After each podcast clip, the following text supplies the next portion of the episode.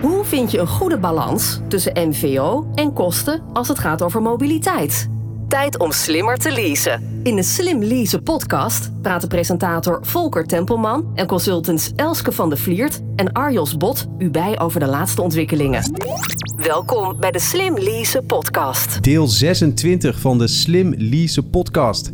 Elske en Arjos, welkom. Ja, dankjewel. Dankjewel. Goed dat jullie er weer zijn. We horen graag wat je van de podcast vindt als je zit te luisteren. Laat dus van je horen. Reageer op LinkedIn en tag Elske en Arjos in je bericht. Vandaag hebben we het over groene mobiliteit en stellen we de vraag wat er wel en niet werkt rondom groene mobiliteit in een uh, bijvoorbeeld grote organisatie. Speciale gast is Marco Verwoerd, eigenaar van het Rico Business Center. Welkom Marco. Dankjewel en dankjewel voor de uitnodiging Elske en Arjos. Graag gedaan. gedaan. Goed dat je er bent, uh, Marco. Uh, laten we meteen erin uh, duiken. wie, wie ben jij en wat doet het Rico Business Center eigenlijk precies? Nou, ik ben Marco Verwoerd, 54 jaar. met veel plezier woonachtig in Amsterdam. Vrouw en twee kinderen. En sinds een jaar of tien ben ik eigenaar van het Rico Business Center. En de meeste mensen kennen ons van afdrukmachines. Ik ken je nog van de Rico Astronauts. Dat zou kunnen. In Amsterdam. Ja, ja ik ben wat gekrompen, hè? Ja. ja, ja. Is, uh, is alweer lang geleden, hè, die tijd uh, van de astronauts. Ja, dat mij. was voor mijn tijd, uh, Rico Astronauts. Maar Rico en Nashua Tech vroeger waren groot in het, in het basketbal, dat klopt. Want hoe is het bedrijf nu anders dan het bedrijf wat toen het basketbalteam sponsorde bijvoorbeeld? Dat bedrijf was nou, bijna 100% op direct sales gericht. Dat betekent dat zij eigen verkopers in dienst hadden. En het Rico Business Center, dat verzorgt nu indirect voor Rico de distributie onder, met betrekking tot hun oplossingen bij bedrijven tot duizend uh, kantoormedewerkers. Elske Arjos, hoe kennen jullie uh, Rico? Ja, uh, kopieermachines eigenlijk. Om het heel, ja, dat is wat het eerste bij mij opkomt. Ik ken Rico gewoon als een fijne klant. Oh ja, heb jij dan weer. Marco, op welke manier zijn jullie bezig met slim lease, CO2-reductie en groenere en flexibele mobiliteit? Nou, ik zelf ben heel erg bezig met uh, ja, wat verandert er in de wereld. Ik heb een aantal jaren geleden ook op een uh, congres van Arval mogen spreken. Met betrekking tot mobiliteit en generatie X, Y en Z. Wat moet je nou doen om die mensen te binden aan je? En wat voor rol speelt uh, mobiliteit daar nou in? Dus ik zelf ben daar ontzettend mee bezig. Daar zit ook de grootste valkuil. Hoezo? Dat wil niet zeggen dat je groep mensen om je heen waar je dagdagelijks mee werkt en je business doet, ook daarmee bezig is. En dat betekent dat je heel goed moet nadenken. Hoe breng je nou je visie over in plaats van dat je iemand iets opdraagt op het gebied van groene mobiliteit? Hoe pak je dat aan? Dat is veel praten. Dat is me gelukkig nee, wel goed gegeven. Is, dat is natuurlijk juist waarom we Marco hebben uitgenodigd. Dat is heel interessant. Want onze doelgroep wil natuurlijk ook heel graag weten... hoe kunnen we een stukje ja. verandering uh, uh, en verbetering en verduurzaming inbedden. En hoe doe je dat praten dan? He, ga je met ze om tafel zitten, laat je ze met ideeën komen? Hoe moet ik dat voor me zien? Nou, wat voor ons ontzettend belangrijk is, is dat wij binnen ons bedrijf iets willen betekenen. Ah. Als mens in de maatschappij, voor onze klanten, voor onze mm -hmm. toeleveranciers en voor elkaar. Dus dat betekent dat ik heel veel tijd en aandacht besteed aan cultuur. Ja. En cultuur heeft ook een connectie met, mm -hmm. uh, ja, hoe ga je met je resources om? Zowel de resources die dicht bij jezelf liggen, oftewel je geld. Ja. Maar hoe ga je ook om met resources die een andere rol spelen? Bijvoorbeeld onze planeet of je kinderen. Mm-hmm. En daar praat ik over. Dus ik vraag mijn mensen zich te committeren aan het feit dat wij dagdagelijks de focus hebben op het verbeteren van rendement in onze organisatie.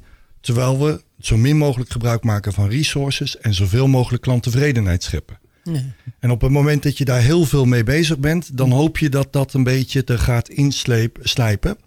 En op dit moment zijn we zelfs zover dat wij, en dat toch in een markt die bekend staat als schaarste, mm-hmm. in HR al aan het, uh, aan het selecteren zijn. Ja. Wat voor cultuur heb je? Ja. Kom je geld verdienen of wil je bij ons werken? Ja. Geloof je in onze boodschap? Mhm. Ja. En dat betekent in dit geval ook, hey vriend, uh, vriendin, uh, als jij mobiliteit vanuit de zaak aangeboden gekregen wordt, dan wordt dat in de toekomst 100% elektrisch. Dat is geen discussie. Ja, ja. Als je daar moeite mee hebt, en in een markt van verkopers is dat best een dingetje. Ja, ja, Ik weet niet wat jullie vinden, maar ik vind ze niet zo sexy tot nu toe, die uh, elektrische auto's. Mm -hmm. En verkopers zijn emotionele mensen, mm -hmm. die willen status hebben. Die denken dat ze altijd duizend kilometer heen en weer moeten Ja. rijden. Terwijl de praktijk natuurlijk Minima. totaal anders is. Zeker Ja. in Amsterdam. Ja, Ja. en Of zeker groot in Amsterdam. Amsterdam. Ja. Dan, uh, ja, dan bevragen we dat. En, Nou ja. en als men dat niet begrijpt, dan bevragen we hem ook of wij dan wel de plek eh, zijn Ja, ja. waar je wil zijn. En die luxe heb je dus ook, want eh, er is ook heel veel schaarste aan goed personeel. Eh, ja en nee. De- daar zitten twee kanten aan dat verhaal. Ehm, het is niet zo dat wij morgen buiten de deur schreeuwen en zeggen we hebben plek voor accountmanagers. Die hebben we ook nog. Goede bevlogen mensen eh, die, die goed in het leven staan en verstand hebben van de informatielogistiek zijn altijd bij ons welkom. Maar wij kunnen niet meer concurreren op de laatste euro. Want in Amsterdam wordt gewoon in de top betaald. En Ja. dat betalen we allemaal al. Dus wij proberen te concurreren op andere dingen. En dat lukt. Dat lukt. Maar dan moet je voor ons bij ons aan tafel zijn geweest. Dat, dat kan je niet in een foldertje zetten. Nee, dat doen we door ehm, de optimale werkruimte. Als je bij ons komt, is het gewoon hip en happening. En eh, ja, Ja. het is fijn lunchen en goed met elkaar praten. Dat doen we door leuke dingen met elkaar te doen. Je goed op te leiden. Zorgen dat je je leven lang doorontwikkelt. En ook eh, maatschappelijke thema's te benoemen. Bijvoorbeeld eh, de planeet. Dit is de Slim Lease podcast met Volker Tempelman, Elske van de Vliert en Arjos Bot. Ik hoor bij jou een heleboel eh, dingen eromheen in de, ja, waarom doen we dit en hè, wa- wat willen we nou echt voor onze klanten betekenen? En niet zozeer van, oh ja, wij hebben een heel goed OV-aanbod en je krijgt een elektrische fiets en nou, je had het wel over die elektrische auto, maar dat is meer een uitgangspunt. Dus het gaat denk ik bij jullie veel minder om die maatregelen. Wat gaan we nou daadwerkelijk doen? Moet je per se op de fiets? En veel meer om wat willen we bereiken? Waar gaan we heen en waar staan we voor? Of is, zie ik dat verkeerd? Nee, dat zie je heel goed. Ehm, ik, ik als eigenaar vind het belangrijk dat we als team voor onze teamleden en voor onze klanten en toeleveranciers staan. Het verschil kan ik niet maken op de basis van het product.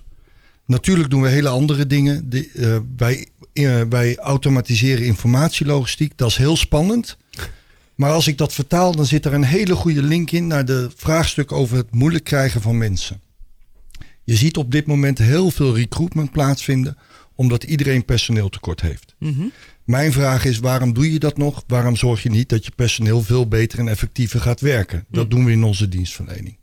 Dat betekent dat we eigenlijk dat doorvertalen in alles wat we doen. Wij denken na over hoe kunnen we de dingen slimmer en beter doen. En dan gaat het niet alleen over ons. Het gaat ook over onze klant en onze Ja, omgeving.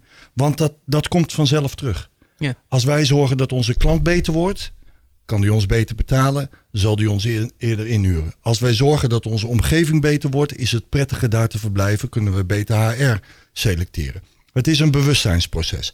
Daar zit trouwens de grootste valkuil met betrekking tot slim groen leasen. Want dat betekent dat je heel veel effort moet stoppen in iets wat voor mij als eigenaar in mijn persoonlijkheid gewoon in mij zit. Ja, ja, inderdaad. Dus ik moet iemand overtuigen Ja, ja. van iets wat in mij zit, terwijl het bij mij in mijn hoofd eigenlijk iets heel normaals is. Frustreert dat ook wel eens? Absoluut. Dat je denkt van waarom begrijp je het nou niet? Absoluut. Misschien een praktisch voorbeeld. Wij hebben Ja, ja, ja. eh, breed ingeschreven op de ID. De ID3 van eh, Volkswagen. Volkswagen. Oh, ja. Ja. Ja. Ehm, het, het probleem van al die merken is dat ze ontzettend eh, spaarzaam met informatie omgaan. Beetje En te. verkopers willen zoveel als mogelijk weten. Ja. Dus het algemene gedachtegoed bij ons is nu het is een golf. Ja. En mijn senior account managers willen niet in ja. een golf gaan rijden. Nee, nee. Maar van binnen is het gewoon een Passat. Klopt. De first edition wordt geleverd met alles erop en eraan. En toch wil mijn verkoper een Tesla 3. Ja. En eh, we kunnen alles over de Tesla's vinden. Ehm, wij zijn een pionier op anders leasen. Mhm. Maar dan maak je alle fouten. Dus dat Tesla in zijn vak ook alle fouten heeft gemaakt, dat mag. Ja. Het, het brengt iets. Ja. Maar ik vind die ID3, maar ja, ik vind, daar zeg ik het al, Als een eigenaar. Tesla 3 killer. Ja. Ah ja, ja. Kwalitatief, afbouw. Ik bedoel, achterin een Tesla 3 is toch of je op een houten plankje zit, vind ik. Ik zit niet vaak achterin. Maar hey, Ja. het netwerk in ieder geval, alles eromheen... is natuurlijk bij Volkswagen beter voor elkaar. Ja. Laten we daar geen misverstand over hebben. Ehm, een aantal van mijn mensen moet nu weer een beslissing nemen. Hun, hun auto loopt nu af. Dat is een leuk discussiepunt over hoe gaan we met mobiliteit om en Ja. iets in de toekomst. Ja, ja, ja. Dus die moeten nu kiezen. Mhm. En die kiezen tussen een Tesla 3. Terwijl ik zeker weet vanuit mijn bevlogenheid dat die ID3 een betere auto voor hem is. Zowel financieel als Ja. qua wat ze value for money krijgen. En dat is een groot probleem. Want als je dan zo met Is dat een paarse... groot probleem? Ja, als je met paarse blauwe strepen op een, eh, op een beurs een, zo'n auto ziet... waardoor je de vormgeving niet goed ziet... denk ik, hé, hey, daar is een golf. Ja, Ja. En dat is gewoon een probleem. Dus d- daar zit een uitdaging in, ja. En dat, dat lukt niet altijd. Wij hebben dat eh, vertaald door in ons handboek te zeggen... wij kiezen voor elektrisch vervoer. Je hebt een budget afhankelijk van je senioriteit. Ja. 25.000 kilometer, vier jaar. Heb je meer kilometers nodig, heeft dat natuurlijk consequenties. En dan mag je kiezen. Dus ook een Tesla 3. Nou ja. Ja. Dat mag je ook kiezen. En in dit geval, de, de, de medewerker kiest niet alleen voor groen, maar kiest ook voor centen. Ja. En de bijtellingsproblematiek is absoluut een belangrijk gegeven. Ik vind het echt een fout van de regering dat de voorsprong die we nu hebben met elkaar, dat we die nog, niet nog een aantal jaren vasthouden Ja. en dat men dit terugschroeft. Wat vinden jullie daarvan, Elske Arjels? Nou, dit punt? Kijk, Wat ik vooral vind is dat voor het eerst nu in de mij bekende historie eh, de overheid tijdens de wedstrijd de spelregels verandert. Ja. En dat is echt een hele kwalijke zaak. Ja. eh, waarmee je echt geen draagvlak creëert eh, Nee. als overheid. Nee. Dat we op termijn de financiële prikkel voor het kiezen van een volledig elektrische auto een beetje afbouwen. hey, daar kan Ja, ik me echt volledig logisch. in vinden.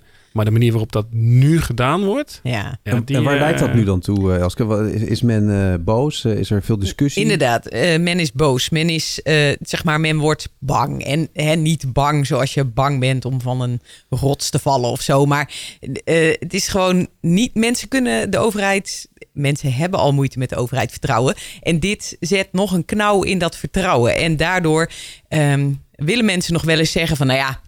Weet je, als ik dit nou niet kan, dan eh stik er maar in. eh, dan maakt het allemaal niet meer uit. En dan gaan ze helemaal de andere kant omslaan en verkeerde keuzes maken. Dus het is gewoon, en zeker omdat wat Arjels zegt tijdens de wedstrijd, als je dat gewoon langzaam doet, maar als je iets beloofd hebt, ja, dan moet je dat gewoon nakomen. En die verkeerde gewoon- keuzes, wat, wat zouden dat voor keuzes kunnen zijn? Nou dan? ja, dan, dan zeggen mensen, dan maakt het toch niet meer uit. Dan gaan ze een veel te grote auto kiezen, een hele onzuinige auto kiezen, een hele vuile auto kiezen. Je gooit Eh, ze gaan je kont tegen de krip eigenlijk. Hè? Ja, ja, inderdaad. Ze gaan überhaupt voor die auto kiezen en denken... nou, die elektrische fiets en dat OV laat ik helemaal maar liggen. Ik heb nu mijn auto en ik moet er fix voor betalen... dus ik zal hem gebruiken ook. Ja, dat is allemaal zonde. Werkt echt averechts. Ja. Dit is de Slim Lease podcast. Marco, je hebt gewerkt met eh, PHEV's, mobiliteitsbudgetten, mobiliteitskaarten. En eh, je bent nu in een transitie naar volledig elektrische auto's.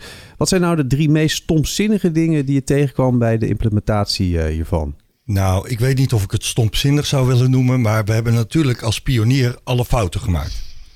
Dat is ook goed, want als andere mensen daarvan weten, maken zij die fouten niet meer. Dus misschien kun je wat met ons delen, Marco. Nou, ik, de, ik, ik heb het net al over gehad. Wij hebben op een gegeven moment deelauto's gehad. ehm, als een van de eerste. Ja. Toen was de techniek van de deelauto met betrekking tot appjes en openen Mhm, niet mhm. goed.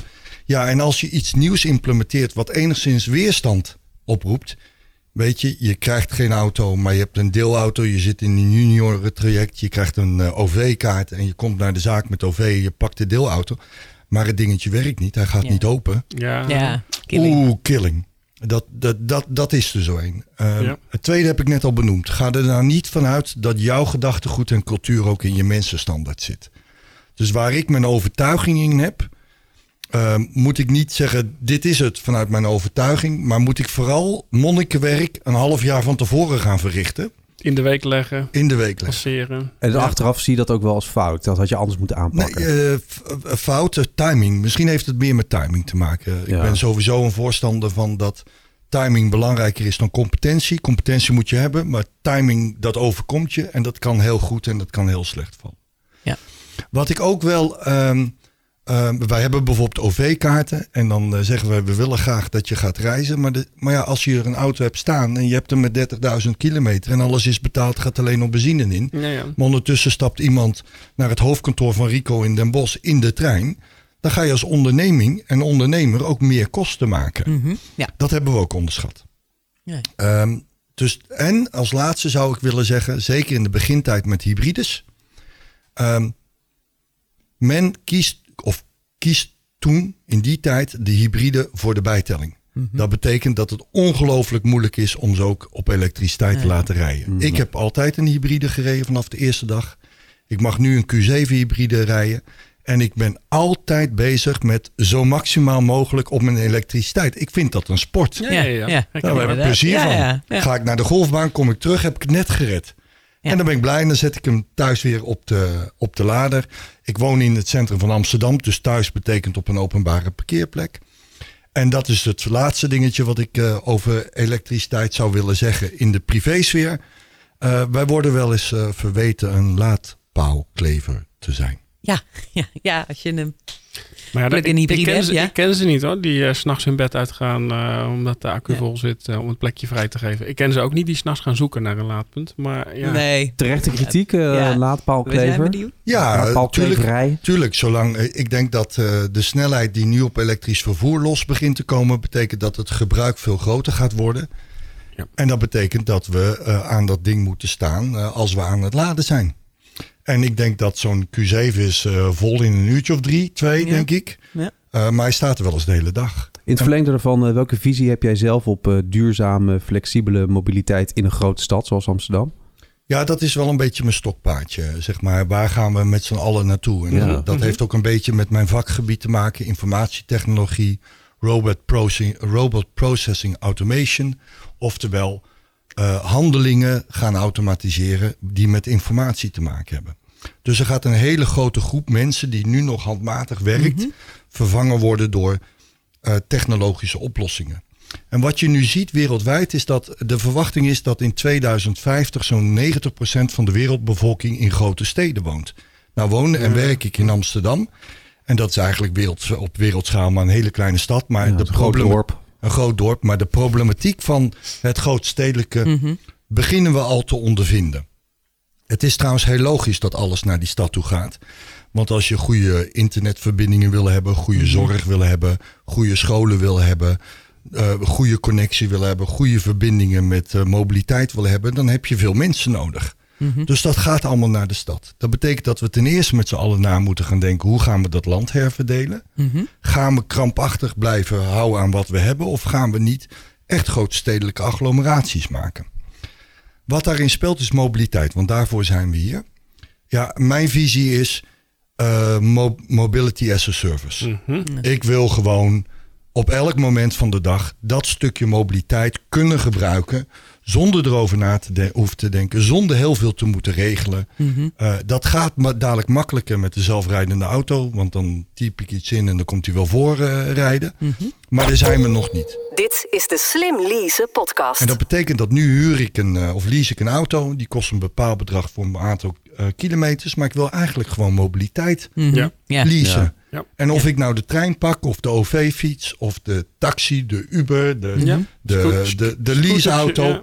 Uh, hey, ik ga uh, weg met mijn vrouw een weekend. Het is mooi weer. Ik wil een cabrio mee. Mm -hmm. Ik denk dat het daarom gaat. Wij moeten naar mobility as a service toe. En welke problemen zijn er uh, om dat te bereiken in jouw visie? Ik denk dat dat probleem meer bij bedrijven als Arval ligt dan bij de gebruikers. Wat bedoel je daarmee? En ik kijk meteen Arjels aan. Nou, mobility as a service is, het is natuurlijk een, een buswoord. En uh, het is ook een beetje de heilige graal. Die bus uh, mag er ook bij trouwens. De bus mag er ook bij. Heel goed. het, is een beetje, het is een beetje de heilige graal. En uh, er zijn best wel wat partijen in de markt bezig een oplossing te ontwikkelen. Maar niemand is al helemaal daar. -huh. De ultieme oplossing is één appje. En die is gekoppeld aan je agenda. En misschien nog wel aan andere dingen. En alle mogelijke vervoersmogelijkheden zijn dan ja. daaraan gekoppeld. En kunnen ontsloten worden. Um, en alle administratie, de handling, alles erachter wordt geregeld. Ja. Het appje is eigenlijk je, je lifeline naar mobiliteit. Doe me ja. een beetje denken aan WeChat, wat ze in China hebben. Daar doen ze ja, ook alles maar, mee. Maar ja, dat is wel van de overheid. Dat moet je maar net willen. Eigenlijk. Nou ja, uh, een andere aanbieder is bijvoorbeeld Google. Hè. Als je tegenwoordig Google Maps opent, steeds meer vormen van mobiliteit worden daarin bijgevoegd. Uh, ik ga binnenkort naar Madrid. En zelfs de Lime scooter werd al gewoon actief als optie uh, aangegeven. Dus weer een nieuwe vorm. Dus partijen zijn daarmee bezig. Ja. Uh, alleen er heeft nog niemand het echt helemaal uh, voor elkaar. Elske? Ja, nou, maak je zin eventueel nog even af, want ik wil eigenlijk een andere vraag okay, stellen. Oké, nou ja, dan zou mijn zin afmaken zijn dat je wel ziet dat er goede, betere oplossingen komen, maar gericht op een stad een regio. Niets is uh, grensoverschrijdend of internationaal. Of, nou, dat, ja. Dus we, zijn, uh, we maken stappen met z'n allen ja. Die richting op. Nog even terug naar jouw bedrijf. Um, werk jij nou veel met een bepaalde grootse visie? Of uh, probeer je het ook zoveel mogelijk in kleine hapklare blokken qua doelen te bereiken? Oh, dat is een moeilijke vraag. Um, Dat heeft te maken met eh, wie ik tegenover mij heb. Ja, oké. Vertel. Ehm, nou ja, je, de- dat heet volgens mij de professor-kind-theorie. Ja. Als je als eh, professor praat, dan ben je academisch gevormd, wetenschappelijk analytisch. Als volwassene ervaren en als kind ben je emotioneel in, en, en, Mhm. ja. en direct. Maar degene die tegenover je zit, moet datzelfde communicatielevel hebben. Dat zegt dus niks over niveau, maar hoe Mhm. jij communiceert. Dus ik kan op mijn manier tegen iemand in een andere lijn wel zeggen dat hij dat zo moet doen in mijn visie. Mhm. Maar als dat niet bij hem binnenkomt, ga ik mijn doel nooit bereiken. Nee. Dus ik, ik, ik, ik let wel op wie ik aan de overkant heb. Oh, ja. Ik durf Ja. hier vrij te Ja, praten ja, over mobiliteit, want Ja. hier zitten allemaal mobiliteitskanjes. Ja. Maar als ik dit ga vertellen eh, aan een groep junioren die in een selectietraject zitten, Mhm. Ja. dan denk ik, jeetje, wat een verhaal, waar kom ik nou terecht? Ja, oké. Dus ik, d- d- dat is wel, eh, ja, Ja. ik- het wisselt aan de, aan de omstandigheid. Oké. Situationeel. Ja. Wat, wat is de Ja. support vanuit eh, Rico, eh, een grote internationale eh, organisatie, voor jou als eh, eigenaar eh, hier in Nederland? Nou, kijk, ik ben eh, eigenaar eh, van, van een Rico Business Center. En je hebt in Nederland 11 document centers die gelijkwaardig zijn aan, eh, aan mijn bedrijf. Iets variërend in grootte, maar gelijkwaardig. En wij, wij zijn dus niet Rico Nederland, we zijn zelfstandig. Maar dat is wel onze enige leverancier in onze core business, namelijk afdrukapparaten. Ehm, en Rico is heel erg groen. Ehm, Rico is zero waste, cradle to cradle. Eh, en alles wat zij doet, dat doet zij met aandacht voor het milieu. Ik ben net begonnen met het ontwikkelen en het lanceren van duurzame printers.com. En dat zorgt ervoor dat wij apparaten opnieuw gaan gebruiken in de juiste manier om geen afval te maken. Klinkt goed. Geen afval maken is wel een eh, driver voor ons. En daar praten wij met Rico veel over. Moet jou Mooi. echt als muziek in de oren klinken hè, Zeker, als ik jou zeker, aankijk. zeker, ja. Heel goed. Eh, komt eh, er nog een, eh, tot slot nog een laatste vraag in dit kader bij jou naar boven? Die we echt moeten stellen aan. Nou, Marco? nee, ik vond het eigenlijk eh, dit een mooie, mooi eind dat het, dat het van groot helemaal naar klein gaat, maar dat het van jou uit jezelf komt. Dat, Ja, als je dit niet intrinsiek bent, dan gaat het niet lopen. Ja, dat straal je ook in alles uit. Ja. Dit was eh, deel 26 van de Slim Lease podcast. Speciale gast was Marco Verwoerd, eigenaar van het Rico Business Center. Marco, dankjewel. Graag gedaan. Goed dat je er was. Elske, voor iedereen die meer wil horen, waar kan je de podcast terugluisteren? slimleasepodcast.nl En we horen graag wat je van de podcast vindt. Laat dus vooral van je horen. Dat kan bijvoorbeeld op eh, LinkedIn. Reageer op LinkedIn en tag Elske en Arjos in je bericht. En misschien Marco wel. En eh, dan eh, gaan we de discussie aan, eh, want daarvoor is de podcast ook bedoeld. Volgende keer blikken we terug. De medewerker staat centraal, maar welk verschil zien we tussen grote en kleine organisaties? Tot zover deze aflevering van de Slim Lease podcast. Zorg dat je op de hoogte blijft van alle ontwikkelingen op het gebied van zakelijke mobiliteit. En luister ook naar de volgende aflevering.